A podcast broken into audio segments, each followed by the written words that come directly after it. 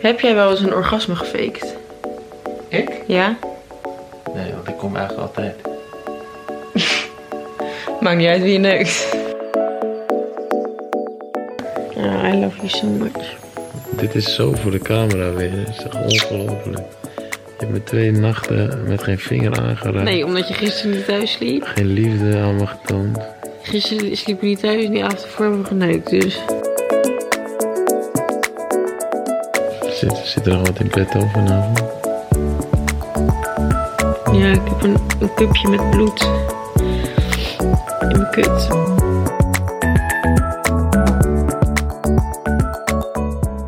Als Instagram je realiteit is, waar is seks dan? Is seks dan een foto van een meisje in een bikini? Of een foto van je vriendje die je hand vasthoudt? Hashtag couple goals? Ondertussen op YouTube laten Monica en Lars gewoon scheten in bed. Enerzijds een verademing. Aan de andere kant, is dat dan romantiek? Je luistert naar de Monica Geuze fan podcast en dit is aflevering 8. En vandaag willen we het hebben over seks en specifieker over de verhalen die we aan elkaar vertellen over seks. In media, literatuur, Netflix. En wat zegt onze omgang met seks eigenlijk over onze tijdsgeest? En hebben we wel genoeg seks? Dat doen we met Daan Borrel, journalist. Hoi Daan. Hoi jongens. Hoi. En voor we naar ons gesprek gaan, even terugkoppelend op de vorige aflevering. Ja, hoe gaat het met je Leen? Ja, voor de luisteraar die het niet geluisterd heeft, moet je even naar je podcast-app Ja. met eh Sander Schimmelpenning. En we hadden het over elite en mijn wereldbeeld viel in duigen. Ja. Ehm daar ben ik nog steeds niet helemaal van bekomen. Nee. Ik krijg wel heel veel Heb veel reacties. steun? Heb je veel steunbetuigingen gehad? Ehm, nou, veel mensen die, die toch ook wel verbaasd waren over dat ik zo geen idee had van mijn eigen bubbel. Zelfs bij de correspondent. Oh, wauw. echt dachten van, huh, maar weet je dat dan niet? Oh, echt? Ja. Hadden jullie vorige keer Sander? Over Ja. Oh. Heb Ja. je dat niet geluisterd? Nee, sorry. Oh, Ja. oké. Luistert dat terug.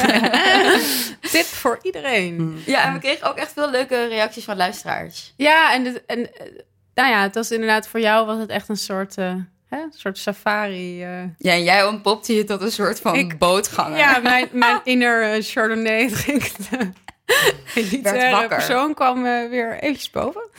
Ehm, nee, ik, ik, ik, was eigenlijk wel, eh, ik was minder, ik was ook wel een beetje geschokt door hoe geschokt jij was. Ja, echt? Ja, Oh, jij- jij was- maar ik denk, ik dacht later ook van ja, ik kom natuurlijk toch wel veel meer buiten de randstad ook. Denk Ja, ik, voor klopt. werk gewoon. Weet je, ik, ik sta wel echt. Maar in wat was zijn, wat was zijn boodschap? Nou, het ging, het ging ook erg over ehm, werkverhoudingen tussen mannen en vrouwen. En eh, dat, dat eigenlijk heel veel vrouwen gewoon niet willen werken in Nederland. En dan is natuurlijk weer de vraag van hoe komt dat? Weet je Ja. wel, is dat omdat ze dat echt niet willen of omdat ze dat, eh, nou ja, krijgen voorgespiegeld? En ja, ja. Dat, dat kan je natuurlijk eindeloos. Maar goed, het feit is wel dat gewoon veel minder vrouwen werken en, en daarvoor kiezen. En het ging ook over eh, rijke mensen en hoe die eh, zeg maar denken over het klimaat en Ja. dat wel of niet te redden. Hm. En Lena was eigenlijk een beetje geschrokken dat, dat ja, de mensen toch liever geld uitgeven aan een vliegticket naar Bali dan aan. eh, Ja, wat ik me realiseerde is denk ik dat onze journalisten bij de correspondent... die komen nog wel in contact met de buitenwereld. Mhm. Maar ik zit natuurlijk de hele dag achter mijn computer... en ik heb eigenlijk digitaal contact met onze lezers. En dat is gewoon een hele specifieke En dat groep zijn, mensen. natuurlijk, eh, Ja. dat zijn natuurlijk allemaal hetzelfde de, vinden. de braafste Ja. mensen die er zijn. Ja, eigenlijk. hele geëngageerde, idealistische linkse mensen. Ja. En zij dacht gewoon dat de hele wereld zo was. Nou, dat, dat denk je niet bewust, maar dat realiseerde Ja. ik me wel. Van wow, dat is echt heel erg verkleind. ja.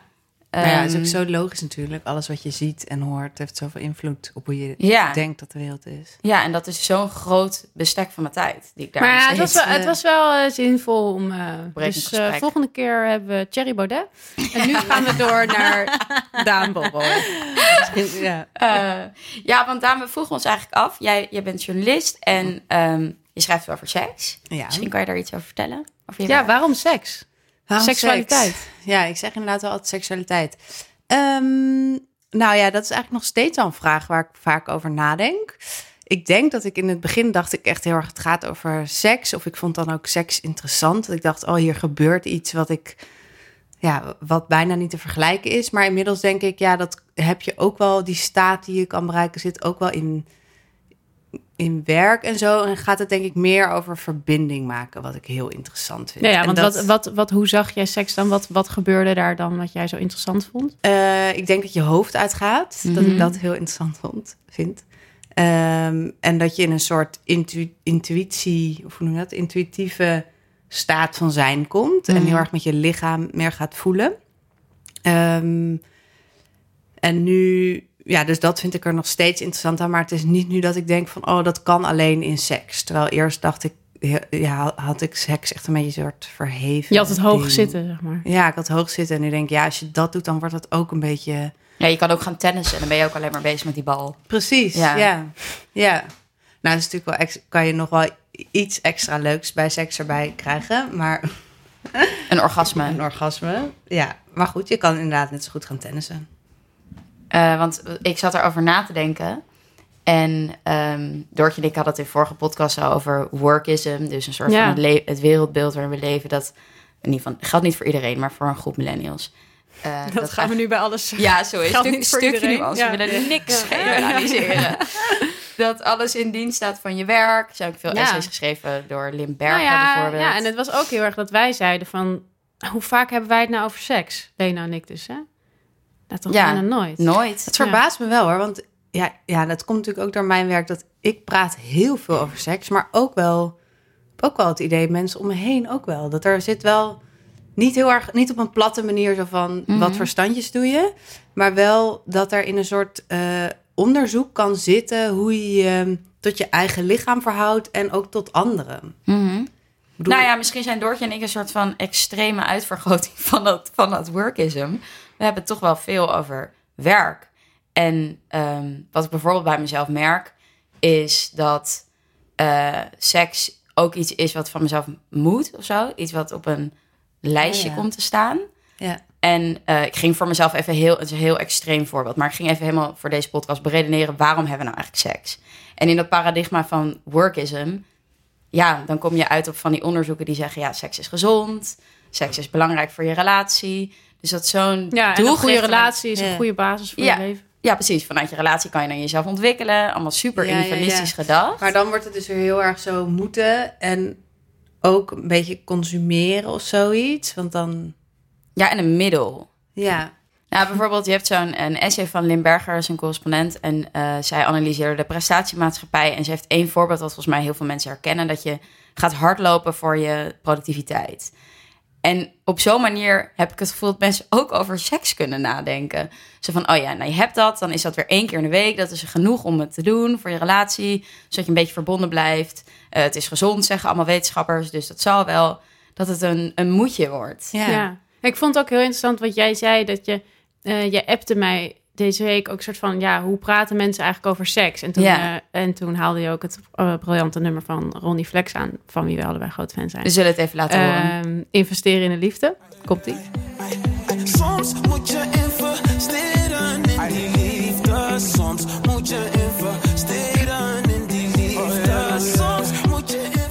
Bedoel, mensen zeggen, ik wil investeren in mijn relatie. Weet je, je hebt termen als agenda seks. Weet je, dat staat volgens mij ook gewoon in de Cosmopolitan. Van, Ja. eh, zet het in je agenda. Elke, elke donderdag van vijf tot zes. Weet je, dat heeft zoiets heel... Het is, het is zo'n onderdeel geworden van Ja. dat hele neoliberale systeem van alles uit jezelf halen. Je werk moet perfect zijn, je relatie Ja. moet perfect zijn, je seks moet perfect zijn. En daarmee heb ik het idee, wat, dat, wat jij nu zegt, dat, hè, dat seks iets is waarbij, waarbij je buiten je waar je, waar je buiten je hoofd gaat en in je lichaam treedt, zo gezegd. ehm, dat, dat dat daarmee een beetje verliest. Ja, dat denk ik heel erg. Maar dat is inderdaad wat je zegt met alles. Dat is ook natuurlijk met yoga. Doe je eigenlijk ook om een betere verhouding met je lijf te krijgen. Maar voor je het weet ga ik ook weer dat ik denk... ik moet deze week drie keer. Ja, ja. En dan wordt het dus weer dat prestatieding. Met een getal Ehm, eraan verbonden. Ook ja. ja. herkenbaar. Maar in, in een goede manier gaat seks denk ik heel erg over...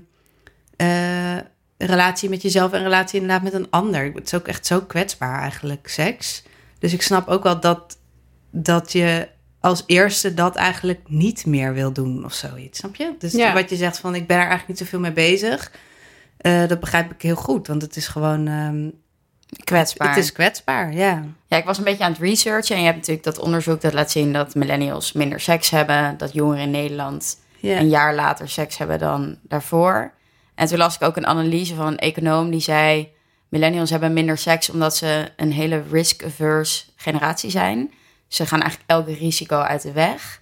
Dat begint al met dat ze later uit huis gaan. En daarna hoeven ze het huis niet meer uit... omdat je zo'n enorm scala aan entertainment thuis hebt. Ja. En Ja. series kijken bevredigt een behoefte van ja, een soort Ja. pseudo-intimiteit, waardoor je niet meer naar buiten hoeft om echte verbindingen aan te gaan. Ja. Herkennen jullie dat ook uit je omgeving? Zo'n soort analyse? Oh ja, ik denk dat dat totaal zo is. Ja? En toch ook vroeger al. Doe je weet toch nog dat je vroeger op MSN zat en dan had je echt hele gesprekken met een jongen van school Oh, ja. en dan was je echt helemaal een soort van. Maar dat ja. was helemaal fantastisch en dan zag je elkaar op school en dan was het zo hey. Ja, heel is- En dat is nu toch echt to the max. Gewoon je hebt nu Snapchat, eh, TikTok, whatever die kids allemaal doen. En- Ja, dat is wel waar. Maar tegelijkertijd zegt ze ook alweer dat je, omdat je dus kwetsbaarder durft op te stellen online, Mhm. dat je wel daarna, zeg maar, als de stap er komt naar het echte leven, dat dat dan dus wel iets positiefs kan hebben. Maar dan moet Mhm. er dus wel die stap. Maar die stap Zijn. wordt dus minder gezet schijnbaar Ja. bij jongeren Ja. Ja. Ja, en ja, we worden nu wel heel donker over de situatie. Maar dat is ook wat die Paul Verhagen zegt in dat boek Intimiteit. Is dat gewoon Dat is een omdat- psycholoog voor de, of een psychiater Ja. voor de luisteraar. Psychiater toch? Ja. Ja, Belgisch, uit België.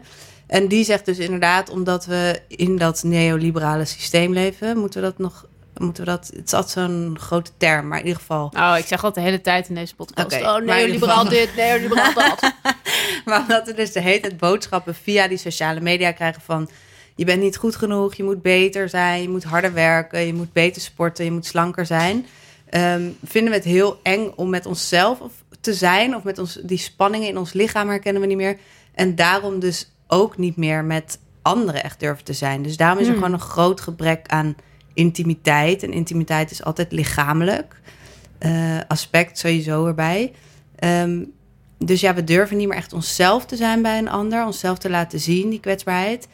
Nou, wat, wat, ik, wat ik me ook soms afvraag, ehm, is of het niet een, de verplichting tot genot is. Zo van, ehm, we leven in lui lekkerland, je hebt voorbehoedsmiddelen, of die nou heel seksueel bevorderlijk zijn, I don't know. Eh, we hebben best de tijd, als je niet veel te hard werkt. Ehm, je hebt een, een dating app, dus seks is binnen handbereik. Ja. Het stigma op sletvrees lijkt af te nemen.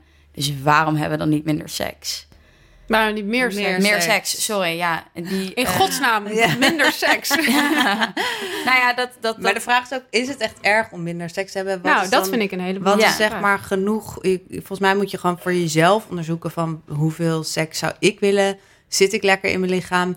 Ehm, en je kan jezelf wel afvragen van, goh, je kan inderdaad veel genot ervaren met je lichaam. Waarom zou je dat niet willen onderzoeken? Maar ja, als je het niet wil Mhm. onderzoeken, ja, waarom?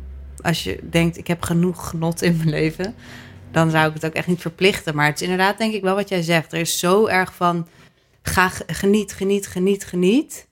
En ook met terrasjes, weet je Ja, wel, en zo. ja. Ga gewoon, als het lekker weer is, word je gewoon Moet je op het terras. Oké, ik Ja. genieten. Dat vind ik sowieso Ja. zo irritant. Dat echt zodra de eerste zonnestraal doorbreekt in Amsterdam... is iedereen Ja. een soort Ja. bon vivant... die zeg maar op het terras wil zitten met een mojito... en eh, bij de rollende keukens een... eh, ja, ik merk dat ik er altijd ja. een beetje depressief van word. Ja, dat ik, dan ik denk, ga dan binnen zitten. Ja, Ja. al die mensen. Maar jongens, maar met seks is toch eigenlijk ook niet alleen maar genieten? nee, Nee. klopt. Ik vind vraag. seks ook echt wel soms. ehm, ja, soms is het inderdaad genieten, maar het is, je moet ook vaak e- eerst door iets heen en dat er allemaal dingen boven komen dat je denkt dit gaat te snel of wat, wat ja, je, je moet er eigenlijk zo voor ontspannen of zo en ontspannen is gewoon best wel moeilijk. Ja, maar dat Ja. vind ik ook in, in jouw boek. Soms is liefde dit. Dat is echt mijn super lievelingspassage, denk ik, uit jouw boek.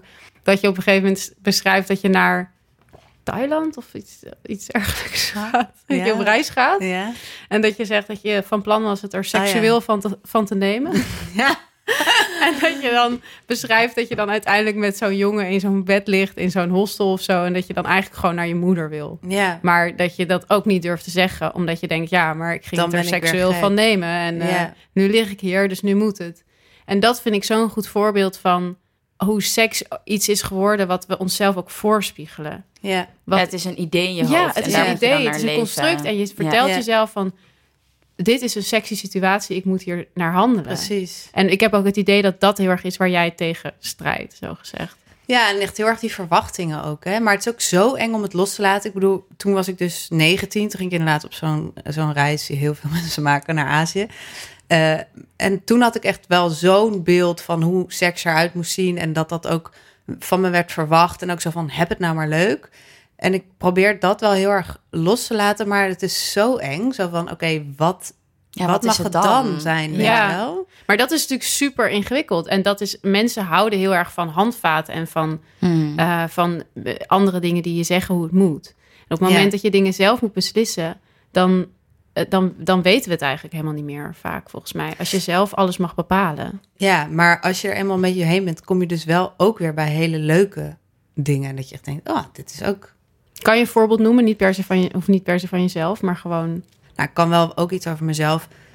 Ja, door dat zelfminnen, daar schrijf ik dan ook over in mijn boek. Dan leer je dus zeg maar een soort van heel ontspannen te masturberen via Mhm. Taoïsme. En daardoor merkte ik wel echt van, oh ja, je kan dus ook...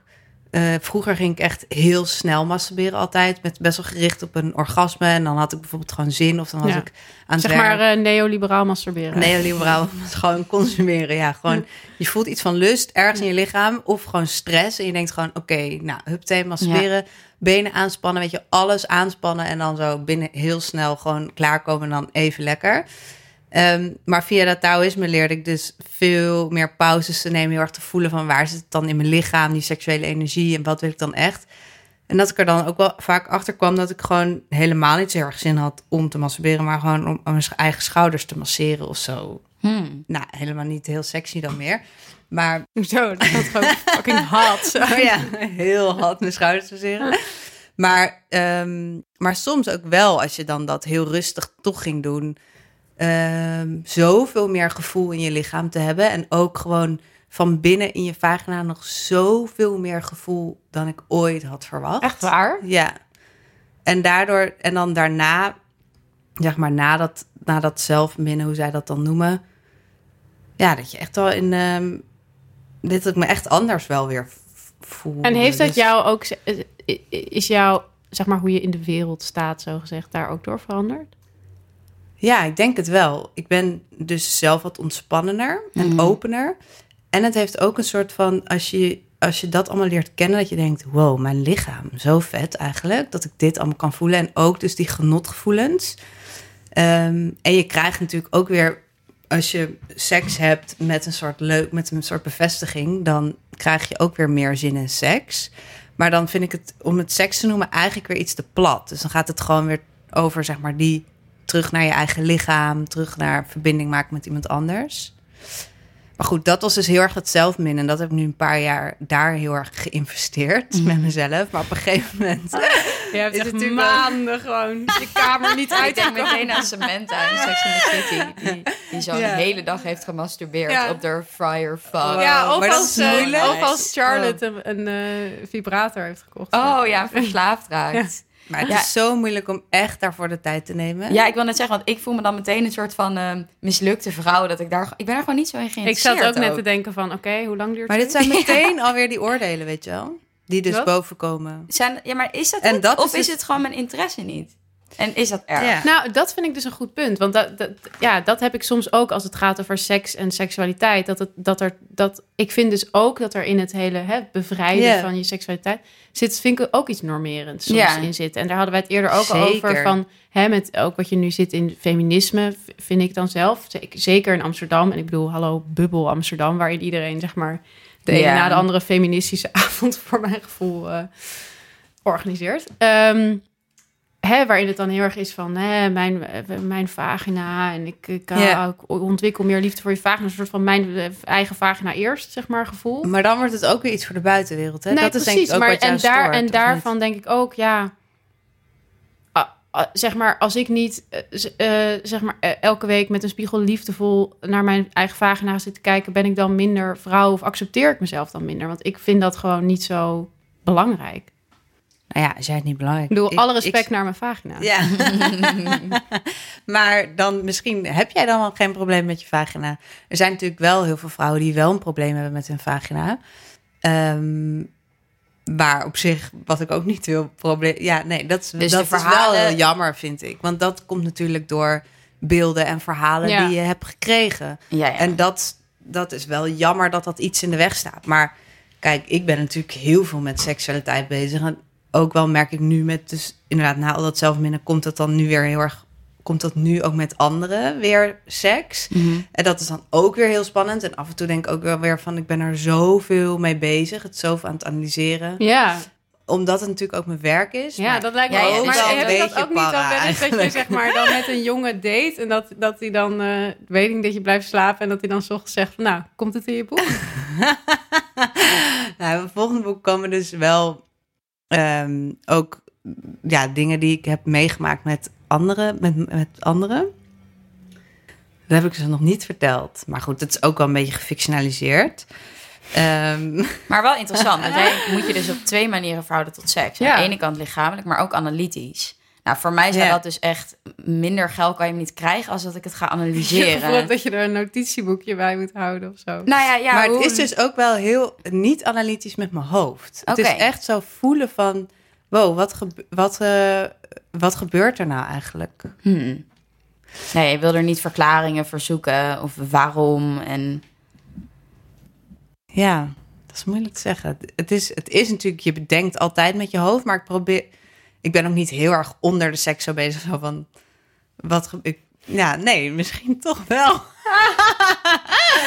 nee, ik, laat het, ik kan het ook wel heel erg laten gaan, maar ik vind, dat, ik vind dit gewoon heel erg interessant. Omdat het gaat gewoon, volgens mij, gaat seks heel erg over gewoon de twee basisdingen van... oké, enerzijds wil een mens altijd versmelten met een ander... Mm. en aan de andere kant wil je gewoon elke keer terug naar, Naar jezelf. naar jezelf.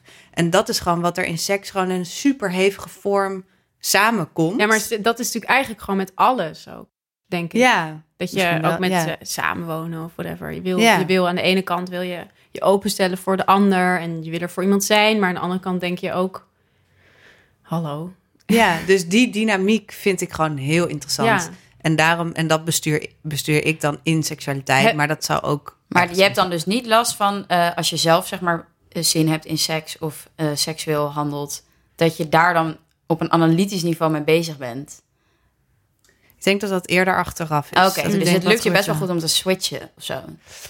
Eh, ja, maar ik moet wel zeggen, ehm, echt wel tot voor kort eigenlijk niet. Ja, Omdat ja. ik zoveel, eh altijd die verwachtingen had en altijd be- had bedacht hoe het dan moest zijn. En zeker, ik bedoel, er is, er is gewoon heel veel wat mij weer hield om me veilig te voelen in seks.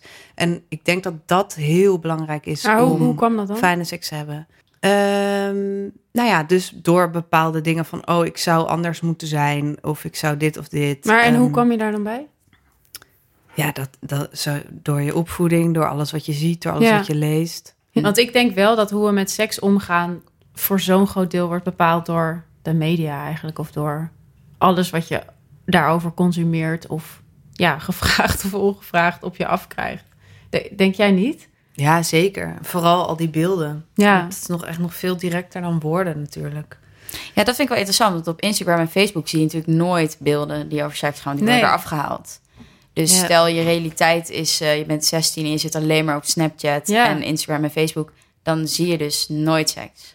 Ja, tenminste, ja. ja. dat, is zo, dat is zo interessant. Want dat is natuurlijk een soort van hyper-individualistische ontwikkeling die je daar doormaakt. Van Ja. je geeft letterlijk je imago vorm. En eigenlijk schrijven dan die algoritmes waar je dan aan houdt je voor dat, je, dat er een soort van geen ruimte is voor, Ja. voor je eigen seksualiteit. Ja, seksualiteit is daar, heeft Ja. daar geen bestaansrecht. Ja. ja. Maar natuurlijk wel op een soort indirecte manieren, toch? Mm. Of tenminste, nou ja, dan niet inderdaad geen seks, maar wel... Er er zijn wel heel veel foto's, vind ik, gaan over... Ja, dat wordt dan sexy genoemd. Terwijl ik vind het zelf niet heel sexy. Maar dat mensen wel bezig zijn met een soort van... Ja, je bedoelt meer zeg maar eh, mooi. Vrouwen die, die, die Ja, bloot- bevestiging eigenlijk. Ja, Ja, ja, maar op het ja. moment dat dat echt seksueel wordt, wordt het eraf Ja, gehaald. precies. Maar en dat is dan weer heel erg dat, die uiterlijke vorm van seks. Dus ja. dat, dat, dat showen, zeg maar. Ja. Want dat, dat was waar ik ook over nadacht. Hè, van als je het hebt over media die je beïnvloeden in je, in je ja, gevoelens over seks en seksualiteit. Want ik heb echt zoveel Sex in the City gekeken toen ik, Ja. Ja. zeg maar, op de middelbare school. Ik heb het gevoel dat het elke dag op tv was. Ja, en ook en al mijn vriendinnen hadden die box. Ja, jij hebt ook die box. Ik heb die Ja. box hier ook staan. En ik, zeg maar, als ik dat nu, want nu keek ik dat een beetje terug en ik luisterde die podcast eh, van Origins over Sex in the City. Echt een tip Echt voor de een superleuke podcast wel. Maar ik dacht toen wel, Jezus, wat was dat eigenlijk? Dat ging zo om het pleasen van mannen. En ook als je het hebt over die seks van, eh, zeg maar, seks gericht op penetratie. Dat was daar toch ook alleen maar. Er was Ja. er toch nooit een situatie waarin iemand zei van... Goh, laten we elkaar masseren. Ja, en als dat zo was, dan was het op zo'n hele gekke manier. Ja, weet dan was En dan was het saai. Ja. Ja, en dan was dat saaie seks. En het, eh, ik vond, achteraf vond ik dat eigenlijk nou, niet shocking, want ik vind het nog steeds een leuke serie, maar wel bizar hoe. Ik kan me gewoon niet voorstellen dat dat nu nog uit zou komen. Nee. Toch? Nee, maar ook alweer bizar vond ik, want ik ging dus, omdat jij zei van je moet die podcast luisteren en dit weekend was ik ziek, dus toen ging ik ook weer een paar, de eerste aflevering kijken van Sex and the City. Maar ik verbaasde me ook alweer dat er nog zoveel dingen wel spelen. Dat er eigenlijk nog maar heel weinig veranderd is. Nou, er is wel heel veel veranderd, ehm, maar hoeveel series zijn er nu dan die, nou ja, oké, er zijn nu wel series die, die over andere dingen gaan, maar ik hoor nog steeds heel veel vrouwen met deze dilemma's. En welke dilemma's bedoel je dan? Nou, ook bijvoorbeeld dat vraagstuk in een van de eerste afleveringen zit dan van moeten we, dan gaat zij een column schrijven over van moeten we ons emotioneel Oh, niet ja. detached voelen, zeg maar, om seks, Seks te hebben als een man. Ja, Mm. Ja. nou, dat zat bijvoorbeeld in Girls ook weer heel erg. Ehm, en nog steeds denk ik dat best wel veel vrouwen denken van... oh, als ik maar eh, niet te veel laat zien van mezelf of zo... of niet te veel voel, dan... Dan blijf ik een mysterie en dan blijft hij geïnteresseerd. Ja, Ja, ja. Maar en wat was dan het idee wat jij over seks kreeg als je keek naar Sex in the City? Je zegt dat vrouwen mannen pleasten. Bijvoorbeeld Samantha, die pleest geen mannen. Die is echt met zichzelf bezig. Nee, maar je had natuurlijk dan Carrie. Dat was dan een soort van de. Ja, i- Degene die iedereen ja, is. Iedereen Ja. voelde zich Carrie. En dan had je om haar heen had je een soort van drie stereotype vrouwen. Dus Miranda, die eigenlijk alleen maar wilde werken en een soort van powervrouw was. Charlotte, die alleen maar wilde trouwen en een witte jurk wilde en eh, 35 kinderen.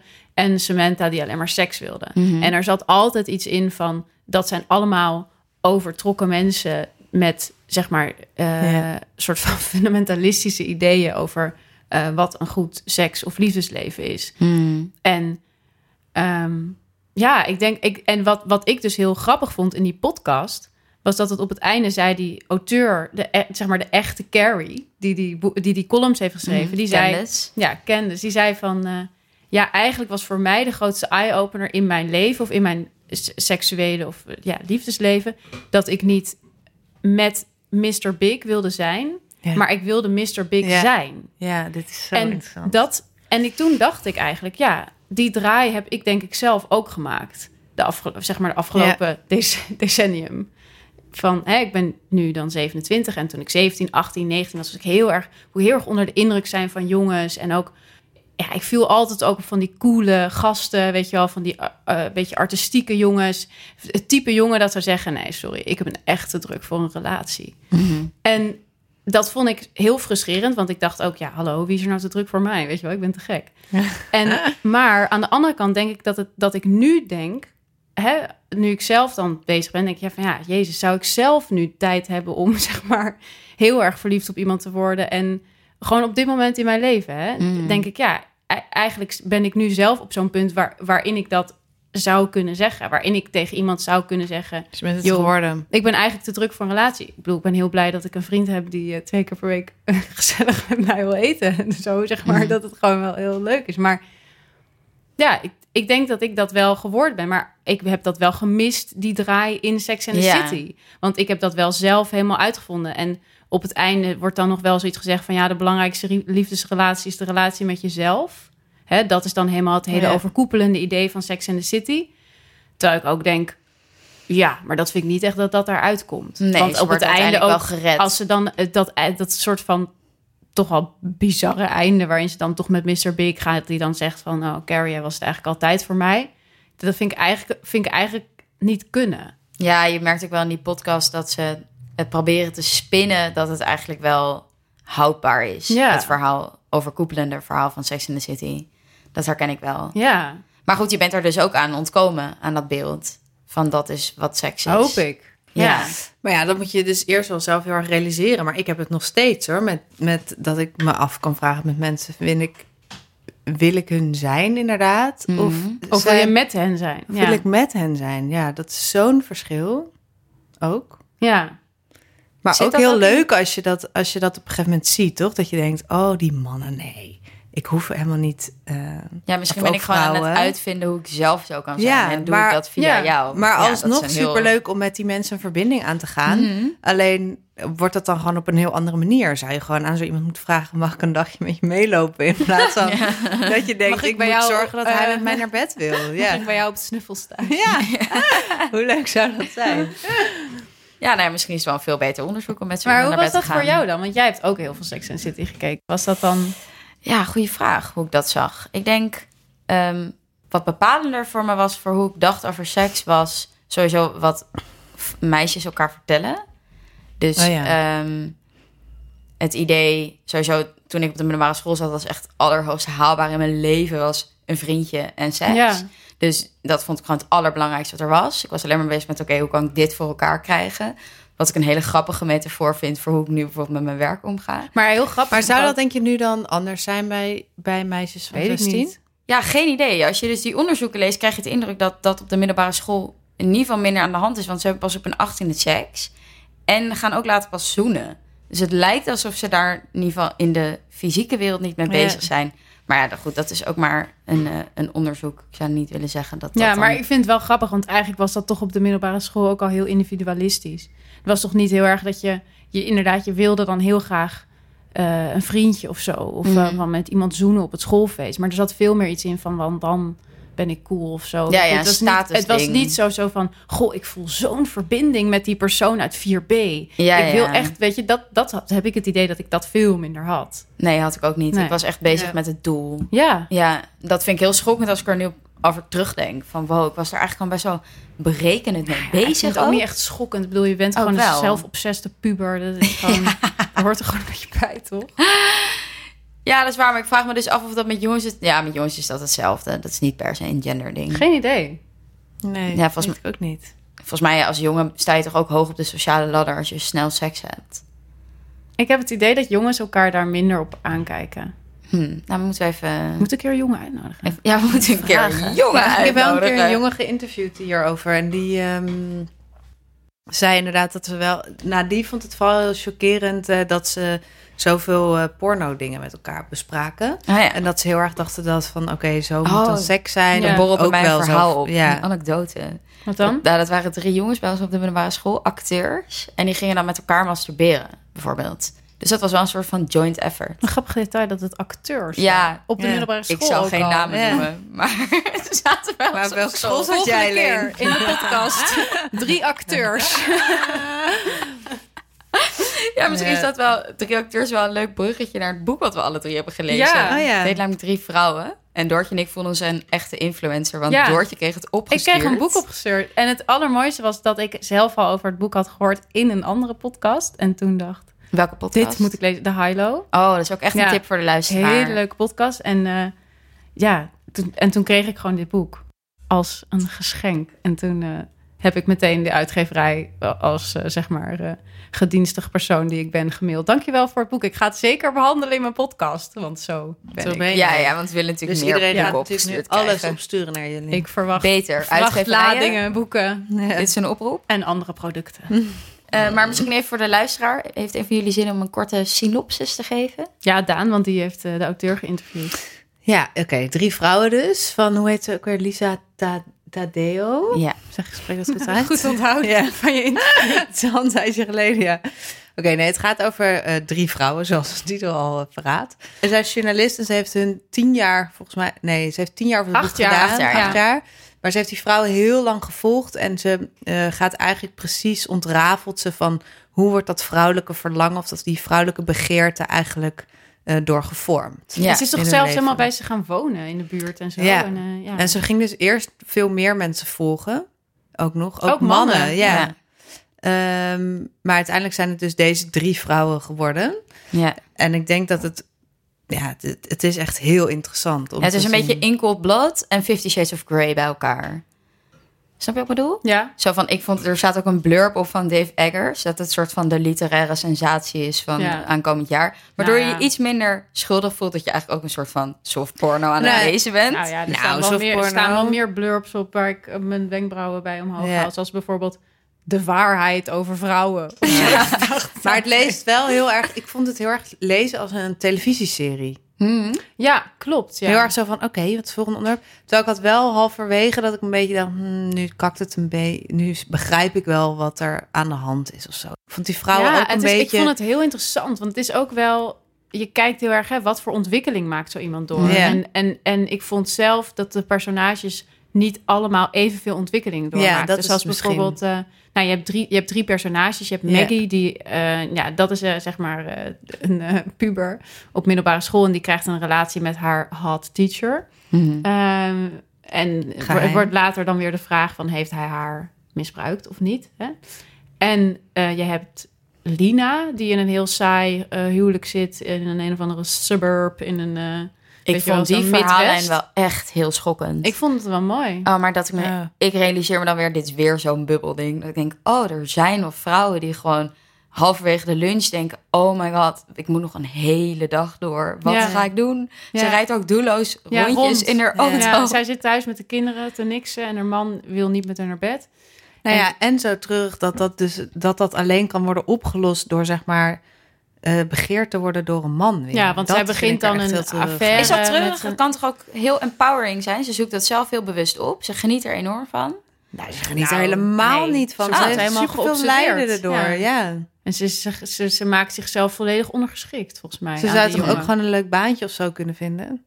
Ja, Ja. dat is waar. Nou ja, en Oké, hè, om even, even mijn, eh, ik, Ik- ga even ik mijn in. synopsis af. Ja, oh, sorry. Ja. De laatste. En dan heb je de laatste, dat is eh, mijn favoriete personage. Sloan, die, is, eh, die woont, komt uit New York en is een soort van eh, eh, ja, een rijke Ze is chick. restaurant. Ja, eh, ze is, eigenaar. restaurant-eigenaar omdat ze dat gewoon heel leuk vindt. Ze heeft het geld van haar ouders, maar ze houdt heel erg van het, ja, van het leven in een restaurant. En haar man is de chef ook. En haar man is de chef, ja. En eh, ja, zij heeft een hele ja, ingewikkelde relatie met seksualiteit. En dat uit zich er vooral in dat ze seks heeft met andere mannen in opdracht van haar man. Ja. Dus die geeft Ja. haar opdracht van vanavond ga je met hem. Eh, ja, dat zijn de drie eh, mensen. En En ze kiest het ook wel soms zelf uit. ja, maar het is wel altijd in overleg, toch? Het wel altijd Ja. hij bepaalt. Ja, en zij vraagt zich ook aan het einde af van, van volgens mij door de MeToo-discussie van... voor wie deed ik dit nou eigenlijk? Mhm. Vond ik Ja. dit zelf echt zo geil? Of deed ik het toch wel weer voor om zijn, zeg maar, goedkeuring Maar te dat krijgen? vond ik dus overal van dit boek. Hè, als we het ook hebben over Sex and the City en zo. Dat, je, dat, dat ik wel echt dacht... Jezus, wat zijn die vrouwen veel met mannen bezig. Hè? Ja, Alleen maar. ja. Nou, dan komen we ook weer een beetje terug op het begin van deze podcast. Dat, Ja. dat Doortje en ik ons afvroegen, wat is er eigenlijk zo interessant aan seks? Wij Ja. zijn helemaal niet zoveel met seks En bezig. ik vond die mannen ook allemaal niet zo boeiend. Ik dacht, joh, wat wil je van die vent? Nou ja, het is natuurlijk ook omdat de journalist alleen maar Ja, hun seksuele leven volgt. Ja. Gaat het ook niet over de andere dingen. Ehm, en op zich, die Sloan, ik vind niet dat zij obsessief bezig is met seks. Nee, nou maar... ja, ik heb dit dus aan haar gevraagd, Mhm. aan de auteur. Want ik zei zo van, ja, dit is wel... Ik, vond, ik werd er ook wel heel treurig van. Dat ik dacht, jezus, eh, zijn, waarom zijn vrouwen hier zoveel mee Ja. bezig? En toen zei zij wel van, ja, het is natuurlijk wel een boek dat hierop is gericht. Ik had Ja. ook een boek kunnen schrijven over hun carrières. En dan was het een... Dan had je gedacht van, ze zijn alleen maar met hun Ja. carrière bezig. Ja, ja. Maar wel inderdaad dat het een, een groot onderwerp is. En ik denk ook wel bijvoorbeeld bij die eh, Maggie beheerst het wel haar Ja. leven. Ja, ja, ja. Ook dat echt verlangen. jarenlang. Ja, en ook met die rechtszaken.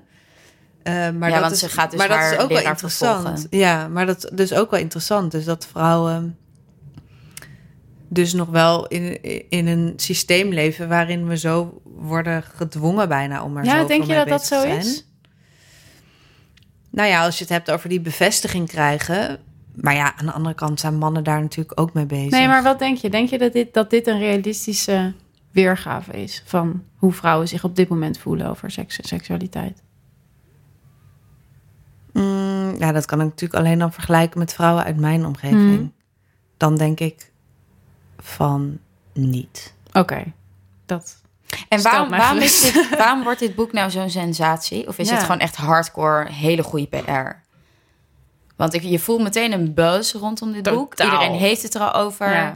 Eh, voordat het uit is, is het al in alle Nee, podcasts maar ik vond het ook heel goed, hè? Ik vond het echt mega goed geschreven. Ja, En het ik is heel vond goed het- geschreven. Ik, ik vond het heel, eh, heel eh, indringend hoe het ging over dit, die verlangens van die vrouwen. Dat ze zo helemaal geobsedeerd naar een Facebook message zitten te kijken als ze zo'n affaire hebben. Of hè, dat Ja. meisje. Dat, eh, ik vond ook heel goed beschreven hoe de rol van technologie nu... hè, welke rol technologie nu speelt in seks. Dus Mhm. dat, dat het ook heel veel gaat over appjes en Ja. helemaal zo'n zo'n soort super verliefd gevoel krijgen door een appje. Dat vond ik er heel goed in zitten. Maar ik vond het vooral zo. Kijk, als je, er, als je dan zegt van hè, de waarheid over vrouwen en begeerte, dan denk ik. Ja, jeetje, als Het dit de waarheid is, dan ga ik me wel een beetje zorgen maken. Ja, want dan Ja. is het toch Ja, wel het is heel erg. Maar ik denk wel, wat ik denk dat het wel heel goed laat zien, is wel echt dat gebrek aan, aan verbinding en intimiteit dat Hmm. mensen ervaren. Hmm. En ehm, Ja, wat zou Paul Verhagen van dit boek vinden? nou, die zou ik denk ik wel een goed voorbeeld daar dus van vinden. Omdat hij zegt ook heel erg, de verhouding met je eigen lichaam bepaalt weer die verhouding met anderen. Dus ik denk gewoon dat, eh, of dat is met mannen denk ik dus ook zo. Dat is ook zo met mannen in deze tijd. Maar zeker bij deze vrouwen zie je dus wel echt dat ze eh, de hele tijd naar op zoek zijn naar iets, dat niet krijgen. Terwijl ze ook gewoon eerst de verhouding met zichzelf zouden kunnen verbeteren. Ook wel opvallend hè, dat het gewicht bij volgens mij beide, alle drie de karakters naar voren Heel komt. belangrijk. Zo van die Maggie die is op een gegeven moment dikker Veel geworden, aangekomen, waardoor ja. mensen niet kunnen voorstellen dat de hot teacher met haar naar bed Oh, wilde. ja. Ja. En die Sloan heeft een obsessieve relatie met eten. Ja. Die heeft heel erg. eh, En die doet eh 20 bulimia. minuten buikoefeningen voor ze gaat slapen. ja, Ja, dus in die zin zou je wel kunnen zeggen dat het dus wel het systeem is waar we in leven. Omdat Ja. dat is dat neoliberalisme dat de hele tijd zegt van je bent niet slank genoeg, je hebt niet seks genoeg, je bent niet geliefd genoeg. vond ik ook En zo ook- schokkend dat Sloan zo op een gegeven moment zegt dat ze vooral heel geil wordt om haar dunne lichaam seks te zien hebben. Ja. Ja. Dat vond ik echt zo treffend en ja, heftig. ik ook. Maar ik vond sowieso die Sloan vond Ja. ik gewoon echt. Ik, ik, ik vond dat ze daar zulke bepaalde zulke interessante dingen zetten. Ook die passage die ik jou ook voorlas van dat ze wakker wordt en eh, dat ze dan een soort lijst in haar hoofd he- heeft van oké, we, hebben, we hebben tekenspray nodig. Ik moet eh, tanken met de eer- eerste auto. Dan moet ik de tweede auto schoonmaken wat de schoonfamilie komt. Eh, ik moet seks hebben met mijn man. Ik moet de kinderen naar school brengen. hebben we een hond? Vreselijk. Als Ja. we een hond hebben, moet ik die dan uitlaten? Moet er honden voor gekocht worden als we een hond hebben? Ik vond dat zo soort... En ook op een gegeven moment gaat het dan over... hè, dan heeft ze heel veel dus gedaan wat haar man eigenlijk wil. Dus, seks, dus het seks met andere mannen. En dan soms wel met haar man erbij en soms niet. Maar wel altijd een beetje op zijn initiatief. En eh, dat op een gegeven moment de vraag is van... ja, wat is nou eigenlijk jouw fantasie? Ja. En dan zegt ze ehm, dat, we, dat we gegeten hebben en dat we een heerlijke ki- gebraden kip hebben gegeten met een perfecte korst. En dat mijn kinderen in de tuin spelen en dat, eh, en dat ik aan het afwassen ben en dat mijn man dan naar de keuken komt en zegt: Joh, laat die afwas, maar ik doe het wel. Hmm. En dat is haar ultieme Fantasie. fantasie. Ja. En, dan, en toen dacht ik: Ja, dat is ook seksualiteit. Ja. Toch? Ja. En waar- waarom is dat ook seksualiteit? Omdat het intimiteit is op een bepaalde manier. Ja, omdat het intimiteit is. En ik denk dat seks ook heel erg gaat om. eh, Dus, dus of ook wie je bent, maar ook wie je wil zijn. Mhm. En ik denk dat, dat zij dus eigenlijk. Dat zij haar. Dat zij, doordat zij juist zoveel, zeg maar, tussen aanhalingstekens geile seks heeft. Mhm. met haar man en anderen. ze eigenlijk verlangt naar intimiteit en veiligheid. En Ja. niet even niet zo'n vent weer erbij of wa- wat dan ook. Dat haar man ja. gewoon zegt: Ik doe de afwas wel. In plaats van ga seks hebben met die man. Maar het gekke is dus dat ze alle drie dus heel erg bezig zijn met verlangen... in plaats van dat ze werkelijk gewoon aan het leven zijn. Want zij verlangt dus ook weer iets anders. Terwijl je zou het toch ook allebei kunnen hebben? Ja, dus, dus als je minder zeg maar leeft naar een dwingende levensstijl. In het geval Ja. van Sloan, die is alleen maar bezig wat schrijft de levensstijl van dit moment Ja. mij Ja. voor. En doe ik dat wel? Ja. Eh, dat je meer in contact gaat met, met wat wil ik eigenlijk. En dan kom je ook weer terug op jouw verhaal over onderzoek naar je eigen Nou ja, lichaam. en, en wat ik ook zo interessant vond van, aan haar, ook als het gaat om lichamelijkheid. Zij is geobsedeerd met haar gewicht. ja, En met sporten en er goed uitzien en dun zijn. En, en dan eh, eigenlijk een beetje op het einde van het boek. eh, eh, ik, is er een situatie dat ze in een bakker Spoiler! staat. En dat ze, ja, nou, mensen. Even de oren dicht. Ja, ja. Dat ze een eh amandelcroissant eet. Ik weet niet, misschien ben je... Nee, dus zover ben ik Ja, dus dan, nog niet. Dan eh, is ze in een bakkertje en dan ziet ze een amandelcroissant en dan denkt ze... Fuck it, ik ga die amandelcroissant kopen. Dat En is en dat ze- gewoon, dat ja, en toen dacht en ik, dat is het. zo seksueel. Ja. En dat ze dan ook, terwijl ze die amandelcroissant eet, denkt ze... Oh my god, I'm having an almond croissant. en ik dacht, good for you, vrouw. Gewoon, en, da- en daarin zat voor mij heel erg dat ik dacht... Dat was wat dit boek wel dan, zeg maar, voor mij een positieve eye-opener was. Dat ik dacht, wauw, je kan seksualiteit vinden in zoveel verschillende dingen. Ja. Ja, Het hoeft niet alleen maar, het is niet alleen maar seks. Nee. Het kan ook een amandelcroissant zijn. Maar je moet ook, je, je, daarom denk ik ook, als je zeg maar, nee, ja, maar als je gaat oefenen buiten je leven, dan wordt je, verandert je seks dus ook. En andersom ook, weet je wel. Dus daarom, ik denk gewoon dat seks is een gewoon een intense eh, vorm van dit te onderzoeken in zeggen van wat je wil en wat je niet wil. eh, en heel erg te voelen van, oh, waarin ga ik nu weer iets doen voor een ander? Of voor een plaatje dat ik in mijn hoofd heb. Of wat ik zelf echt, wat mijn lichaam zin in heeft. Ja, maar dat is natuurlijk ook met alles zo. En daarom vind ik die Sloan gewoon zo goed. Dat dat ook met sporten zo is. Weet je, waarom, Ja. waarom sporten mensen? Weet je, is zo, dat, dat heeft ook zo heel erg iets van, omdat we denken dat dat moet. En dan, weet je, waar kom je dan uit? Als je Ja. denkt van, ja, ik sport omdat ik eh, graag eh, zo en zoveel kilo wil wegen. Ja, hoezo? Ja, alles je, is gewoon gericht alles op, een, ja. op een doel en een eindresultaat. Nou, op een ideaalbeeld wat buiten je lichaam ligt. Ja, ja En precies. Dat, dat is denk ik wat je goed ziet ook wel, eh, ook wel in dit boek, denk ik. Maar vooral bij Sloan. Ik vond die andere, die andere twee, ja, vond ik dat lastiger. Vond ik lastiger te duiden. Maar misschien omdat je je minder kon identificeren ook. Sowieso. Maar Ja. nou ja, op zich, zeg maar, zo'n tienermeisje wat dan heel erg verliefd wordt op zo'n leraar, weet je, dat, ja, dat soort gevoelens hebben we toch allemaal wel eens gehad. Ja, wat ik vooral uit het boek haalde was van... Oh ja, mijn fantasie. Dat is ook gewoon iets wat, wat van mij is en belangrijk is. En wat, waar ik zelf zeggenschap over heb. Zo van... ehm, ik merk dat, dat zeg maar in dat neoliberale eh, denken... dat ik continu bezig ben... Oké, wat moet ik doen? Al dat, dat lijstje wat Sloan in haar hoofd heeft. En dit boek herinnerde me heel erg aan... ook hoe ik was op de middelbare school... omdat je Maggie volgt. Dus ik ging weer terug in van... Ja. wow, ik was toen...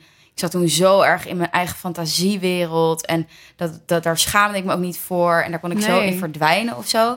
En ik realiseerde, oh, dat is seksualiteit ook echt. Ja, en je dat hebt- ik durf te fantaseren. Inderdaad. En je hebt, oh, als je zo'n leeftijd hebt, heb je zo'n rijker beeld van Ja. jezelf en wat er allemaal mogelijk is. Ik bedoel, een schoolfeest. De Ja. hele lol aan een schoolfeest was zeg maar de maand ervoor. Ja, Het schoolfeest zelf zat het best wel leem. maar dat Maar alles mogelijk was. Alles kon op zo'n avond. Het was gewoon, je wist dat iedereen er ging zijn en je wist precies wat je aan ging doen. En eh, Ja, maar Ja. is dat... eh, Maar willen we niet liever een heel leuk schoolfeest hebben... dan alleen maar dat het verlangen er naartoe? Nou, nee, ja, jawel. Ik realiseerde me echt door het lezen van het boek van...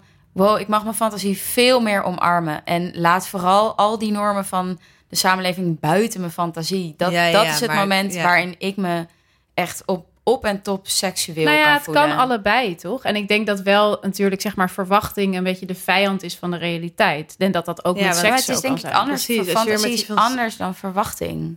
Nee, zeker, dat is ook zo.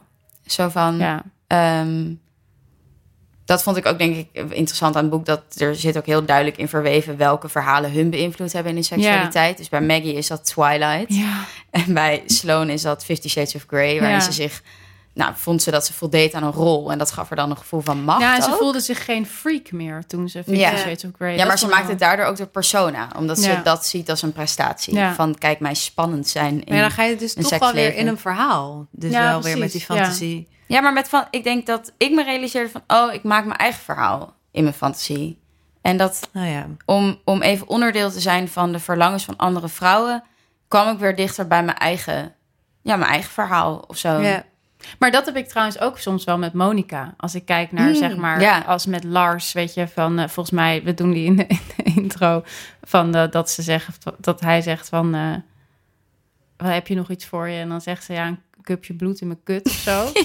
ja. dan denk ik, ja, ik word daar dan toch blij van.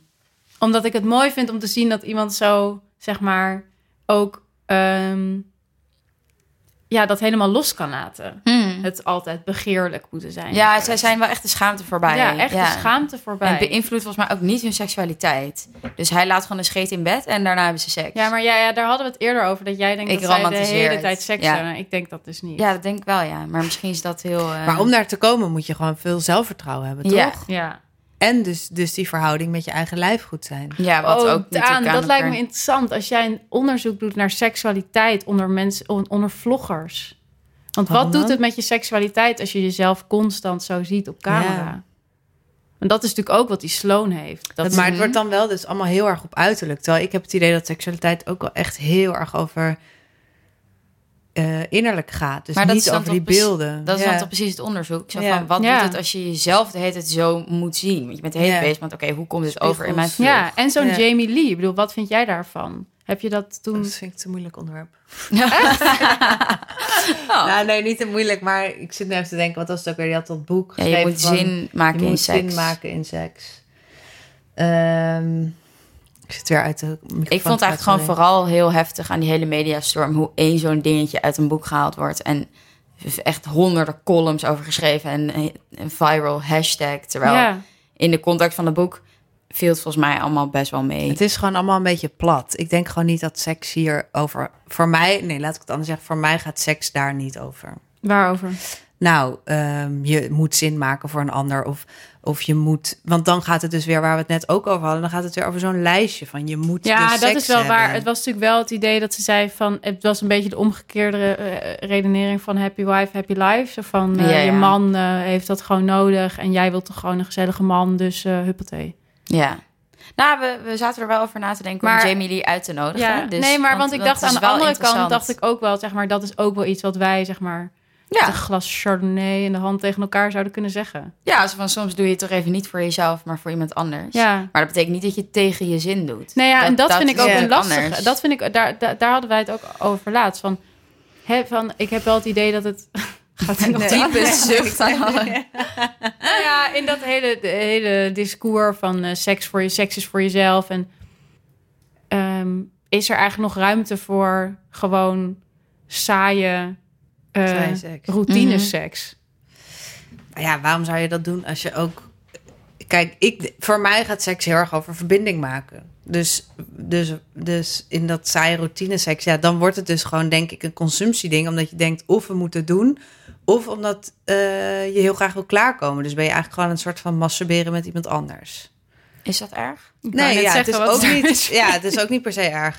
Ja dat, li- ja, dat ligt er dus maar aan wat je wil in je leven. Nou, anders krijg je toch ook zo'n eh, kan- ding dat, ja, dat elke kan keer ook seks een allebei. ultieme ervaring moet zijn. Ja, nee, Terwijl dat seks is ook helemaal Maar dat heb ik ook met eten. Ik heb dat ook Oh, heel ja. erg los, moeten la- eh, los kunnen laten de laatste tijd. Dat eten altijd heel Lekker lekker moet moet zijn. zijn. Ja, dat het gewoon niet. is van... Ja. Ja. Gast, soms eet ik gewoon even een bak voeding. rijst. Ja. Weet je wel? En dan, Whatever. Maar dan wil je daar, dan wil je toch alsnog die rijst gewoon bewust opeten? Nee man. Nee. Oké, nou dan gewoon- zijn we dan zijn we Netflix aan en gaan. Oké, nou ik denk dat we gaan afronden, want we kunnen hier eeuwig over doorgaan. Ehm, dus dan hebben we ons vaste riedeltje. De Zeg het, recensies. Ja, de- ja, ja, ik heb het lijstje hier voor me. De recensies. We kregen echt vet veel leuke reacties Ja. van mensen. Heel leuk. Eh, ook in DM's. Dus blijf We kregen een mail. doen. Wow. We hadden ook een mail. Ja. En echt heel leuk dat mensen Nee, dat echt, dat, dat vind ik eigenlijk echt wel... Ik wil daar even een momentje voor nemen. Oké. Ik vind het echt heel leuk dat mensen... Veel mensen luisteren. Veel meer dan we hadden gedacht. Ja, dat is echt een En verrassing. we krijgen heel veel leuke reacties. En ja, ik bedoel, je begint zo'n podcast toch ook een beetje met een idee van... nou, we zullen het maar zien. En eh, ja, Iedereen die luistert is meegenomen. precies. En, eh, en, we, en maar hopen dat er nog meer mensen zijn... die zeg maar Monica Geuze leuk vinden, maar ook boeken of zo.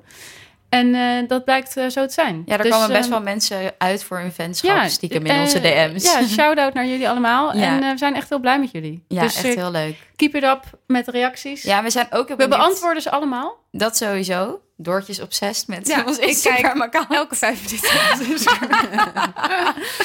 Ehm, en we zijn ook heel benieuwd wie jullie graag te gast zouden willen zien. Nou ja, horen, Horen. dus. Ehm, want we zijn bezig ook een beetje met het voorbereiden van het volgende seizoen. Want ja, podcast gaat in seizoenen. Er Ja. komt een zomerstop Ja. aan.